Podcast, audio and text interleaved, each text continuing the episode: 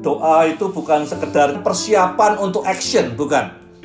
Jadi doa itu adalah relationship dengan Tuhan, bukan sekedar komunikasi. Begitu kita menang dalam dunia doa, kita menang di dunia nyata.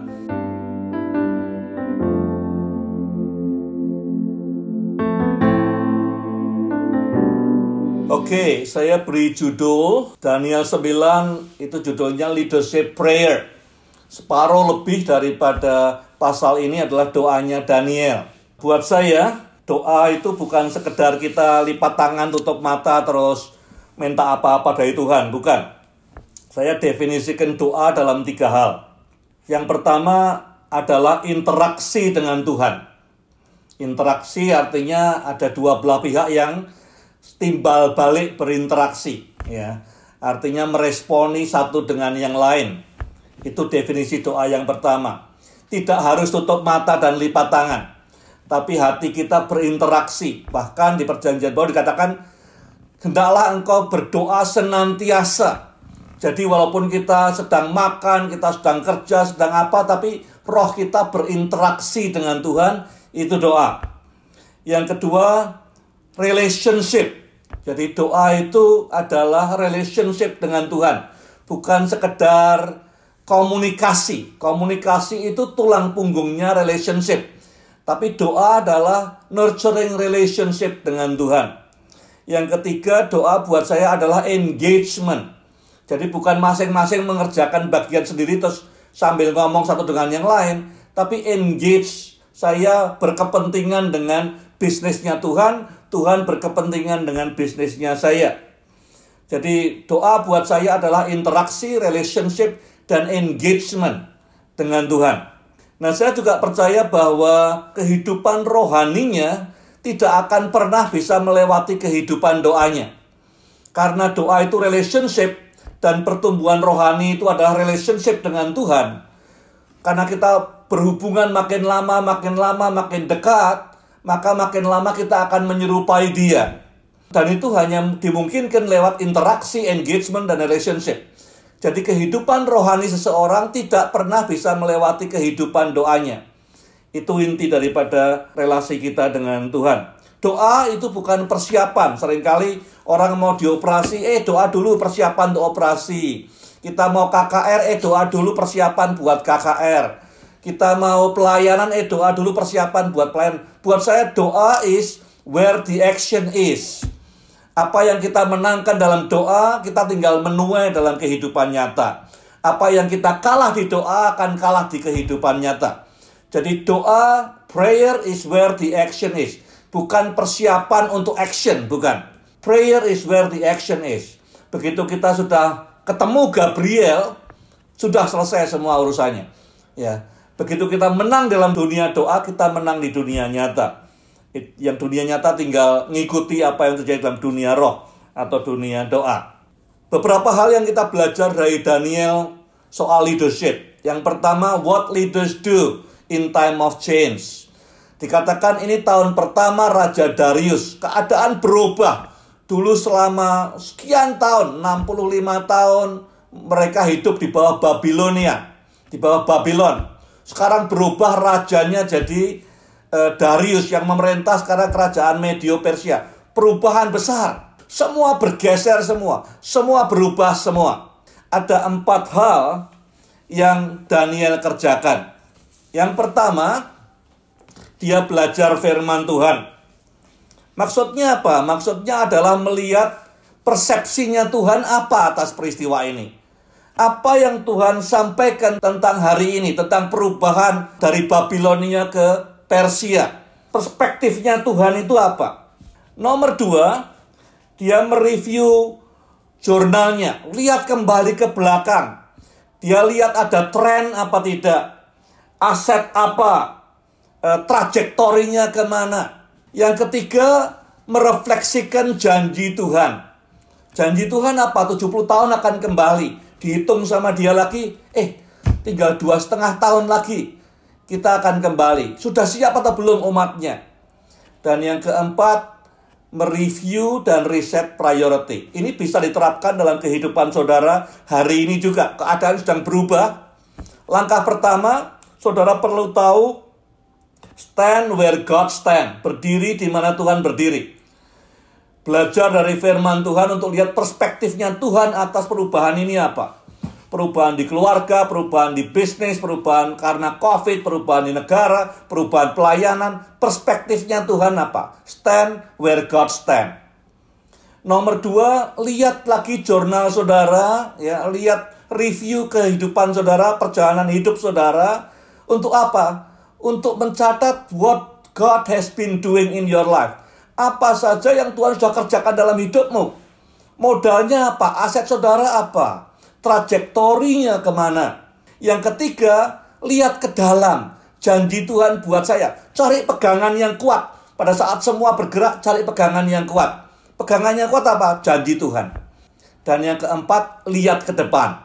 Ya, diatur kembali prioritasnya, disesuaikan lagi mana yang lebih penting dengan perubahan-perubahan ini baru kemudian melangkah. Jadi lihat ke, ke atas, lihat ke belakang, lihat ke dalam, baru lihat ke depan. Ya. Apalagi yang kita pelajari dari Daniel. What prompted leaders to pray? Dalam kasusnya Daniel, apa yang mendorong uh, Daniel untuk mulai doa? Doanya Daniel bukan asal doa, tapi deep prayer. Dikatakan dia mengenakan kain kabung, mengenakan abu di atas kepala seperti yang dikerjakan oleh Nehemia, oleh Mordekai waktu bangsanya akan dimusnahkan. Jadi ini adalah doa yang betul-betul all out, ya, prayer yang all out. Ya, kita butuh masuk ke sana. Kalau kita tidak pernah masuk dalam doa yang all out, cuman doanya sekedar doa makan, doa tidur, ya kita tidak mengalami mujizat yang besar seperti yang dialami Daniel. Yang pertama, belajar firman. Dengan belajar firman, dia menemukan kebenaran baru, kebenaran yang selama ini tidak pernah dia hitung. Oh ternyata tinggal dua setengah tahun kita akan kembali. Penyebabnya dulu apa? Kenapa kita dibuang ke Babylon? Dia cari tahu penyebabnya apa. Ya. Kemudian dia lihat gap antara kebenaran yang dia temukan dengan kenyataan orang Israel yang di Babylon. Itu membuat dia sangat berduka sekali selama ini mereka dibuang ke Babylon, belum pernah sungguh-sungguh reconcile dengan Tuhan.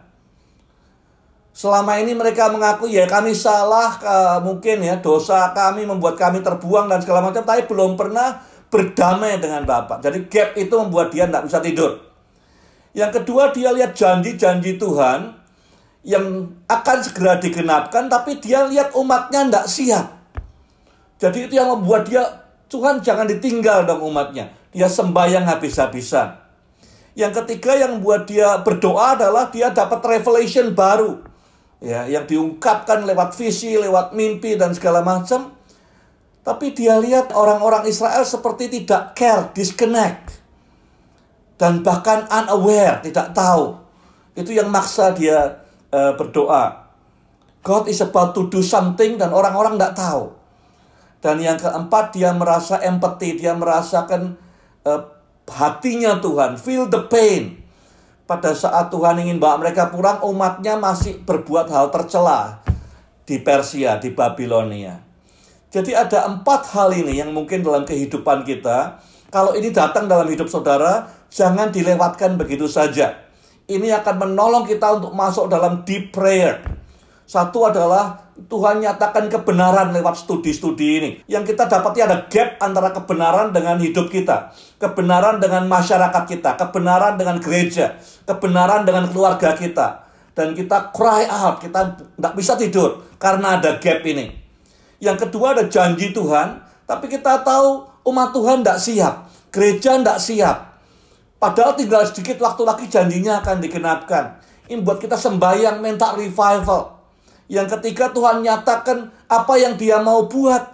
Tapi banyak orang tidak tahu. Tidak pusing, tidak care. Dan yang keempat, kita diberi izin untuk melihat dunia dengan matanya Tuhan. Betapa pedihnya Tuhan. Melihat orang yang ditebusnya, umat yang ditebusnya terus berbuat dosa. Terus mengabaikan Tuhan. Nah Daniel berdoa gimana dia?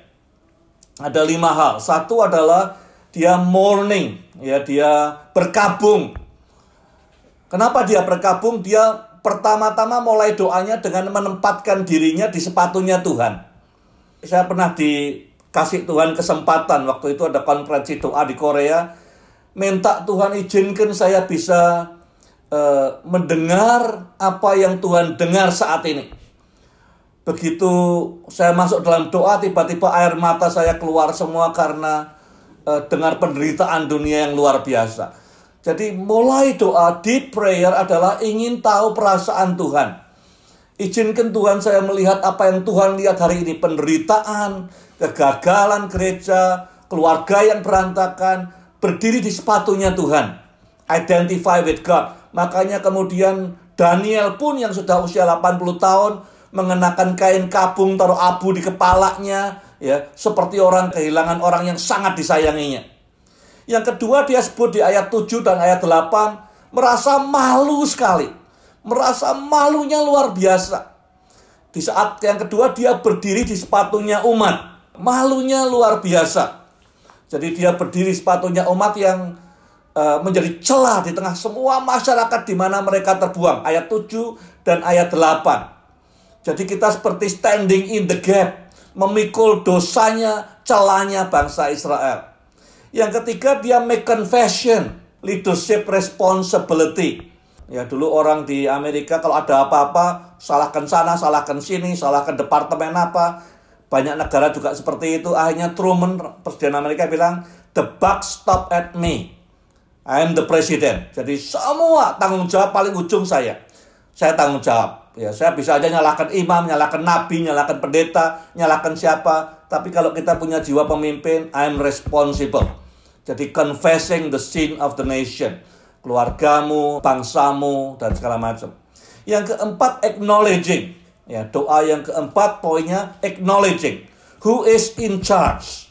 Ya, dia berkata uh, dalam doanya, Tuhan, ini kota adalah kotamu. Ini umat adalah umatmu. Ini sanctuary. Mesbah adalah mesbahmu. Ini holy hill. Bukit yang kudus adalah bukit kudusmu. Semua milikmu. Kami cuma manajer-manajermu saja. Acknowledging bahwa Tuhan yang punya semuanya dan dia yang berwenang. Dan yang terakhir, Tuhan dikatakan di ayat yang ke-15 dan 19, make a name. Memasyurkan nama Tuhan. Brandingnya Tuhan itu apa? Brandingnya Tuhan ada tiga menurut bangsa Israel. Satu adalah Tuhan itu termasyurkan waktu membebaskan mereka dari Mesir. Penebusan dari perbudakan. Selama orang Israel tahu bahwa mereka orang yang berhutang. Selama orang Kristen tahu dirinya utang nyawa sama Tuhan. Brandingnya Tuhan akan kelihatan. Tapi kalau kita merasa bahwa kita ini berhak ini, berhak itu, semua karena saya, kita ngerusak brandingnya Tuhan. Yang kedua pembelaan Tuhan. Waktu Tuhan membuat orang Israel menyeberangi Laut Merah, semua bangsa gentar semua. Orang Israel tidak punya jalan lain bergantung pada Tuhan di bawah kepemimpinan Musa. Selama kita berani bergantung sama Tuhan sepenuhnya, brandingnya Tuhan dikuatkan. Selama kita tidak berani bergantung, mengandalkan diri sendiri, brandingnya Tuhan rusak lewat hidup kita. Yang ketiga, kemurahan dikatakan di ayat 19. Berkali-kali salah Tuhan ampuni, Tuhan angkat. Tuhan itu Tuhan yang compassion. Begitu kita teruskan ke orang lain, kemurahan hati, pengampunan, brandingnya Tuhan dikuatkan. Jadi doa bukan sekedar kita ngomong, tapi doa itu terekspresikan dalam kehidupan kita sehari-hari. Kenapa kita berdoa dalam nama Tuhan Yesus? Apakah mengucapkan dalam nama Tuhan Yesus itu artinya doa kita terjawab? Menurut saya dalam nama Tuhan Yesus itu artinya doa itu dipresentasikan dalam brandingnya Tuhan. Dalam identitasnya Tuhan Yesus. Tidak bisa kita membunuhi orang, berkhianat, terus minta makan, minta minta keselamatan, terus kita bilang dalam nama Tuhan Yesus, amin. Dijawab, ya nggak bisa. Dalam nama Yesus artinya dengan identitasnya Yesus, dengan brandingnya Yesus. Bahwa kita ini orang-orang yang punya utang. Utang nyawa dengan Tuhan bahwa kita harus bergantung sepenuhnya pada Dia dan bahwa kita hidup karena kemurahan Dia dan harus bermurah hati pada orang lain. Ada tiga kali muncul di kitab Daniel dan tidak muncul di mana-mana kata covered with shame, malu. Di nabi-nabi lain kalau dosa tidak nyebut malu, paling nyebutnya ya e, menyesal dan segala macam. Tapi Daniel pakai kata malu. Di ayat 7 dia katakan, harusnya kami ini menjadi bangsa yang setia, jadi teladan, jadi terang, dibuang ke mana pun. Ternyata tidak. Jadi kami bikin malu Tuhan. Kami jadi malu di ayat 7. Ya, karena apa? Tapi malah jadi celah sekarang ini. Menurut penjelasannya Daniel. Di ayat 8 dikatakan Tuhan berkali-kali mengampuni, tapi kami terus memberontak, maunya sendiri.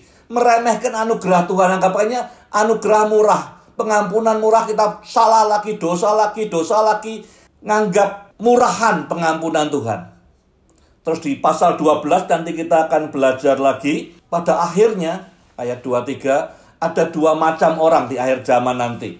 Orang yang hina, orang malu, ya covered with shame, dan orang bijaksana. Terus dia jelaskan orang bijaksana itu orang yang bercahaya, yang menuntun banyak orang lain kepada terang. Jadi definisinya sederhana sekali. Orang bijaksana menuntun banyak orang lewat Bible study, lewat keluarga, lewat kehidupan kepada terang. Kalau tidak nuntun orang lain, ya bisa jadi jadi celah orang yang covered with shame. Daniel at the rest area. Jadi Daniel melihat perubahan yang ada. Kadang-kadang kita perlu juga masuk ke rest area, ya bisa juga reguler masuk rest area setiap berapa tahun sekali. Teman saya Louis Bus tiap tujuh tahun sekali dia masuk rest area. Kalau kita masuk rest area yang kita kerjakan apa? Kita lihat map lagi. Ya, kita lihat mapnya. Tapi untuk lihat map kita perlu punya purpose. Ada enggak purpose Tuhan buat hidup kita? Kalau enggak ada ya percuma lihat map. Ya, harus cari purpose Tuhan buat saudara apa? Baru mapnya berguna dari mana menuju ke mana kita sampai di mana. Kita review journey-nya sekarang ini habis bensin tiap kilometernya berapa dan segala macam. Supaya jangan sampai kehabisan bensin di tengah jalan. Yang kedua kita scan the environment, di scan semua di environment. Apakah penumpang lain oke, okay, tidak ada yang mual-mual, tidak ada yang mabuk jalan. Cuacanya bagaimana di depan kita. Definisikan realitas hari ini. Kondisi kendaraan bagaimana? Perlu tambahan angin enggak bannya? Jalan di depan kita ada aspalnya tidak dan segala macam. Ya. Kalau kita masuk ke rest area yang pertama kita lihat map lagi. Kita difokuskan ke tujuan hidup kita lagi. Review yang sudah kita lewati sekian 40 tahun, 50 tahun, 30 tahun. Yang kedua apa? Define the reality hari ini. Penumpang yang lain apakah sehat? tim timnya apakah kuat semua bertumbuh ke arah Yesus tidak cuacanya bagaimana kondisi kendaraan bannya perlu angin tidak kondisi jalan depan bagaimana ya yang ketiga adjust the plan jadi perlu kita ngatur waktu entah setahun sekali entah tujuh tahun sekali tapi dalam keadaan tertentu butuh special check up hidup kita ini untuk masuk rest area berhenti sejenak lihat kembali peta hidup kita tujuannya masih clear apa tidak. Periksa kembali sekitar kita apakah realitas kita masih sama seperti tujuh tahun lalu atau sudah beda. Kemudian adjust prioritas hidup kita. Ya. Nah saya mau bacakan penafsirannya kenapa kok 70 tahun. Menurut saya yang dibaca oleh Daniel ada di dalam 2 Tawarik 36. Saya bacakan diangkutnya ke Babel dan mereka menjadi budaknya dan budak anak-anaknya sampai kerajaan Persia berkuasa. Begitu Darius berkuasa, Daniel langsung ingat nubuatnya Yeremia.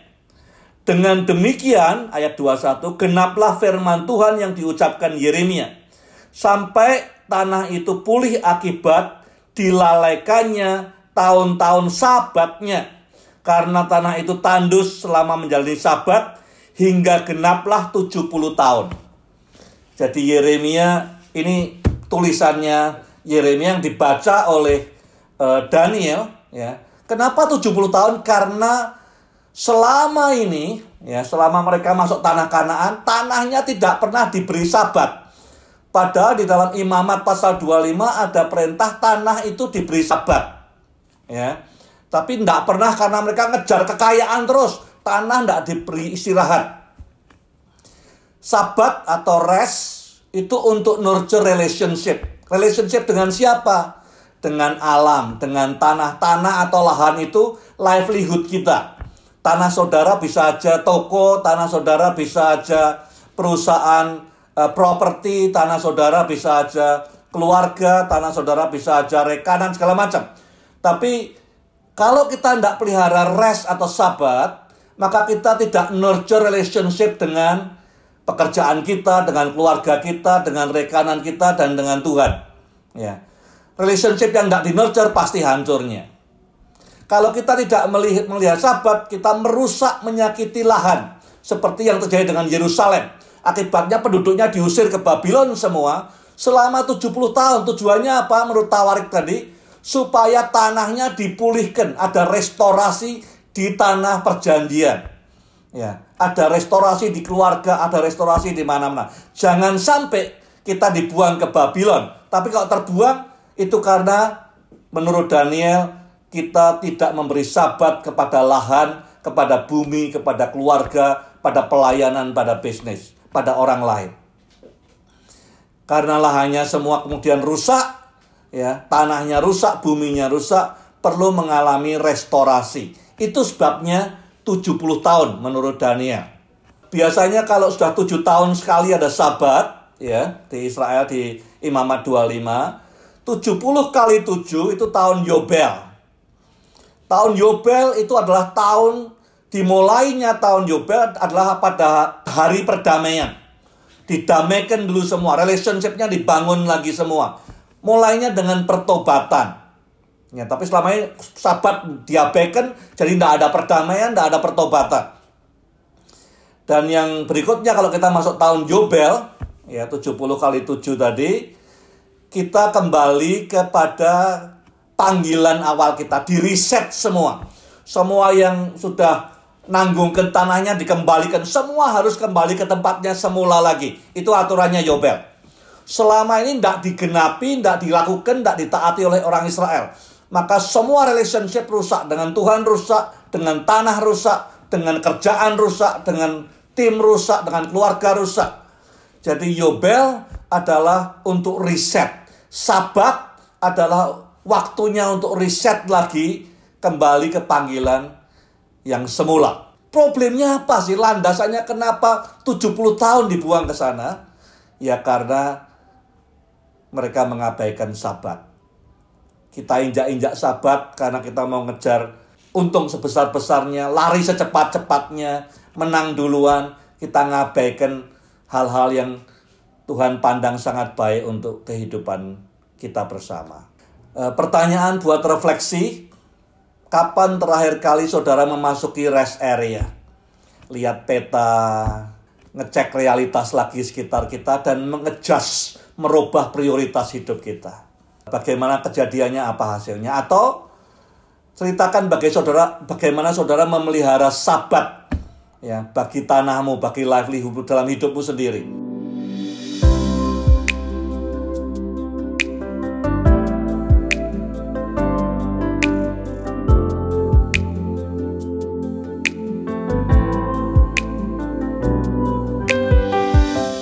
Banyak orang Kristen berpikir hari Minggu itu adalah hari Sabat. Nah itu keliru. Ya. Itu hari di mana kita merayakan kebangkitan Tuhan Yesus. Banyak orang Kristen sibuknya luar biasa hari Minggu. Semua kegiatan ditumpuk semua hari Minggu karena jaraknya jauh dengan rumah jemaat. Jadi eh, bukan itu maksudnya sabat. Ya, itu waktu untuk celebrate, that's fine.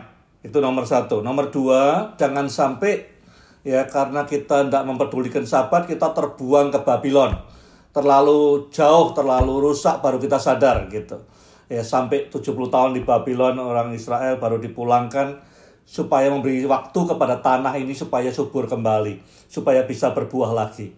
Yang ketiga, Sabat itu di urutan nomor 4 dalam 10 perintah Allah. Di perjanjian lama dikatakan Sabat itu adalah the sign of the covenant.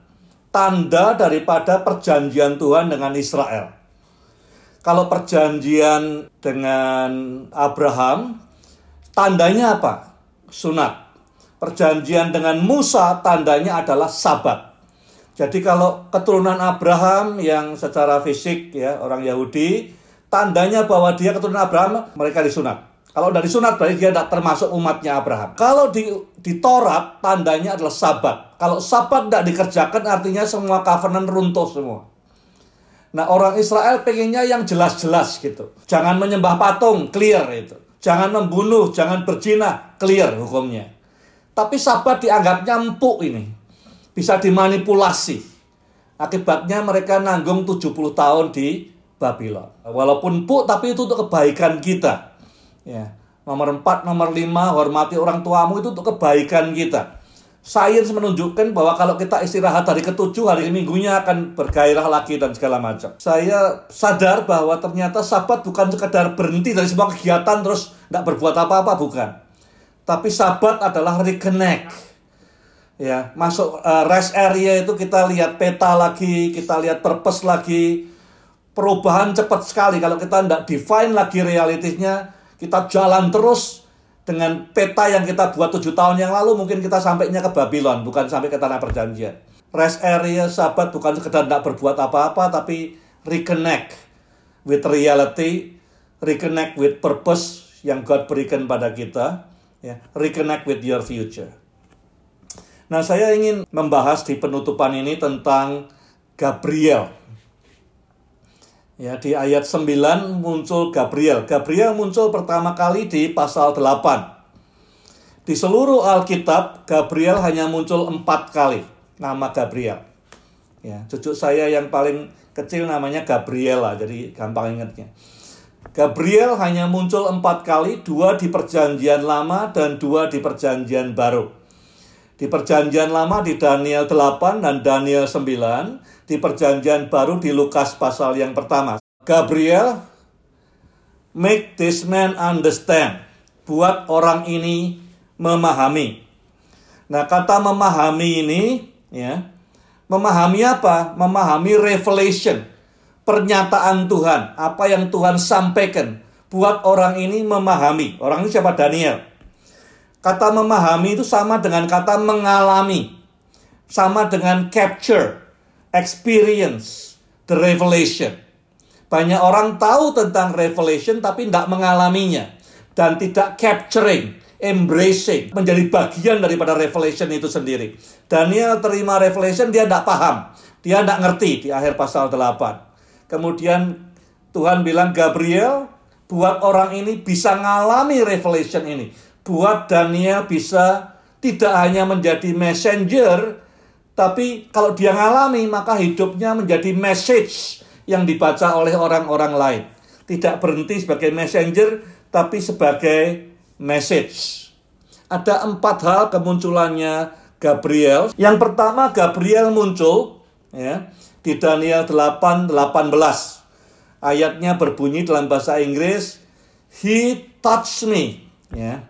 Gabriel menyentuh Daniel and raise me to my feet dan membuat aku berdiri di atas kakiku atau menegakkan aku, membuat aku berdiri tegak. Pertama kali untuk merubah uh, messenger Daniel menjadi message-nya yang dikerjakan oleh Gabriel apa dia pegang si Daniel dan kemudian waktu dia pegang Daniel bisa menjadi kuat. Saya ingin saudara bisa menjadi Gabriel, utusan Tuhan kalau saudara bisa menguatkan kaki-kakinya orang di luar sana, menjamah hidup mereka, seperti Gabriel menjamah Daniel, kemudian Daniel bisa berdiri tegak di atas kakinya, maka orang itu siap untuk mengalami revelation Tuhan, siap untuk memahami pernyataan Tuhan. Dia akan menerima divine strength dan olehnya kemudian mendapatkan confidence. Dan orang yang confidence itu lebih gampang mengalami hal-hal yang Tuhan sediakan daripada orang yang tidak confidence. Kekuatan dan rasa percaya diri yang datangnya daripada Tuhan. Yang dikerjakan pertama kali Gabriel apa? He touch. But you can touch uh, hidupnya orang lain dengan perbuatan baik saudara. Dengan mendoakan mereka, dengan caring for them, dengan peduli pada mereka, touch the life of others sampai mereka bisa berdiri di atas kakinya dengan confidence, dengan divine strength. Gabriel mempersiapkan Daniel untuk menerima revelation Tuhan dengan cara he touch. Dia jamah hidupnya Daniel sehingga Daniel bisa bangkit dan kuat di atas kakinya. Aku ingin keluargaku bisa terima Tuhan, mengalami Tuhan. Aku ingin temanku mengalami Tuhan, mengalami pernyataan Tuhan, mengalami kehebatan Tuhan. Aku ingin mengalami. Mulai dengan touch their life. Touching bukan physically, tapi touching with your spirit. Dengan doa, dengan caring, dengan kepedulian, dengan pertolongan, dan segala macam. Yang kedua, how to change messenger menjadi message. Daniel 9 ayat 23 Gabriel berkata kepada Daniel, "You are greatly loved." Engkau sangat dikasih sejak hari pertama.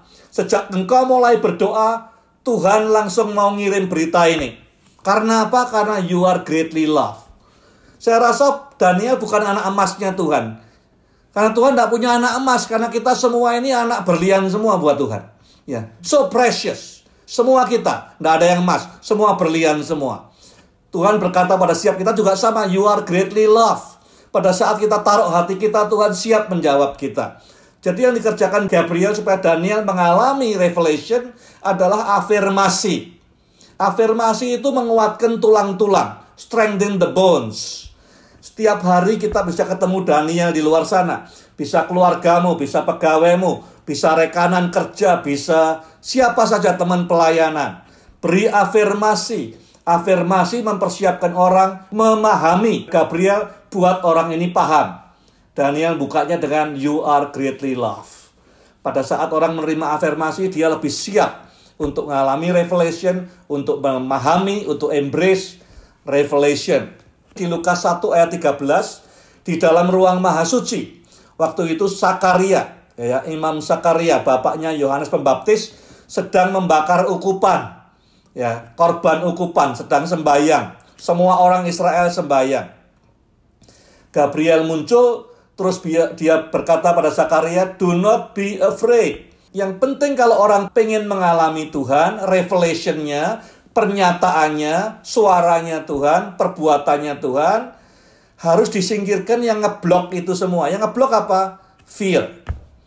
Takut gagal, takut ini, takut masa depan, khawatir ini, khawatir itu, semua itu membuat kita tidak bisa mengalami revelation, tidak bisa memahami. Ada kayak yang nutup mata kita untuk bisa ngelihat semua itu. Jadi yang dikerjakan Gabriel kepada Sakaria apa?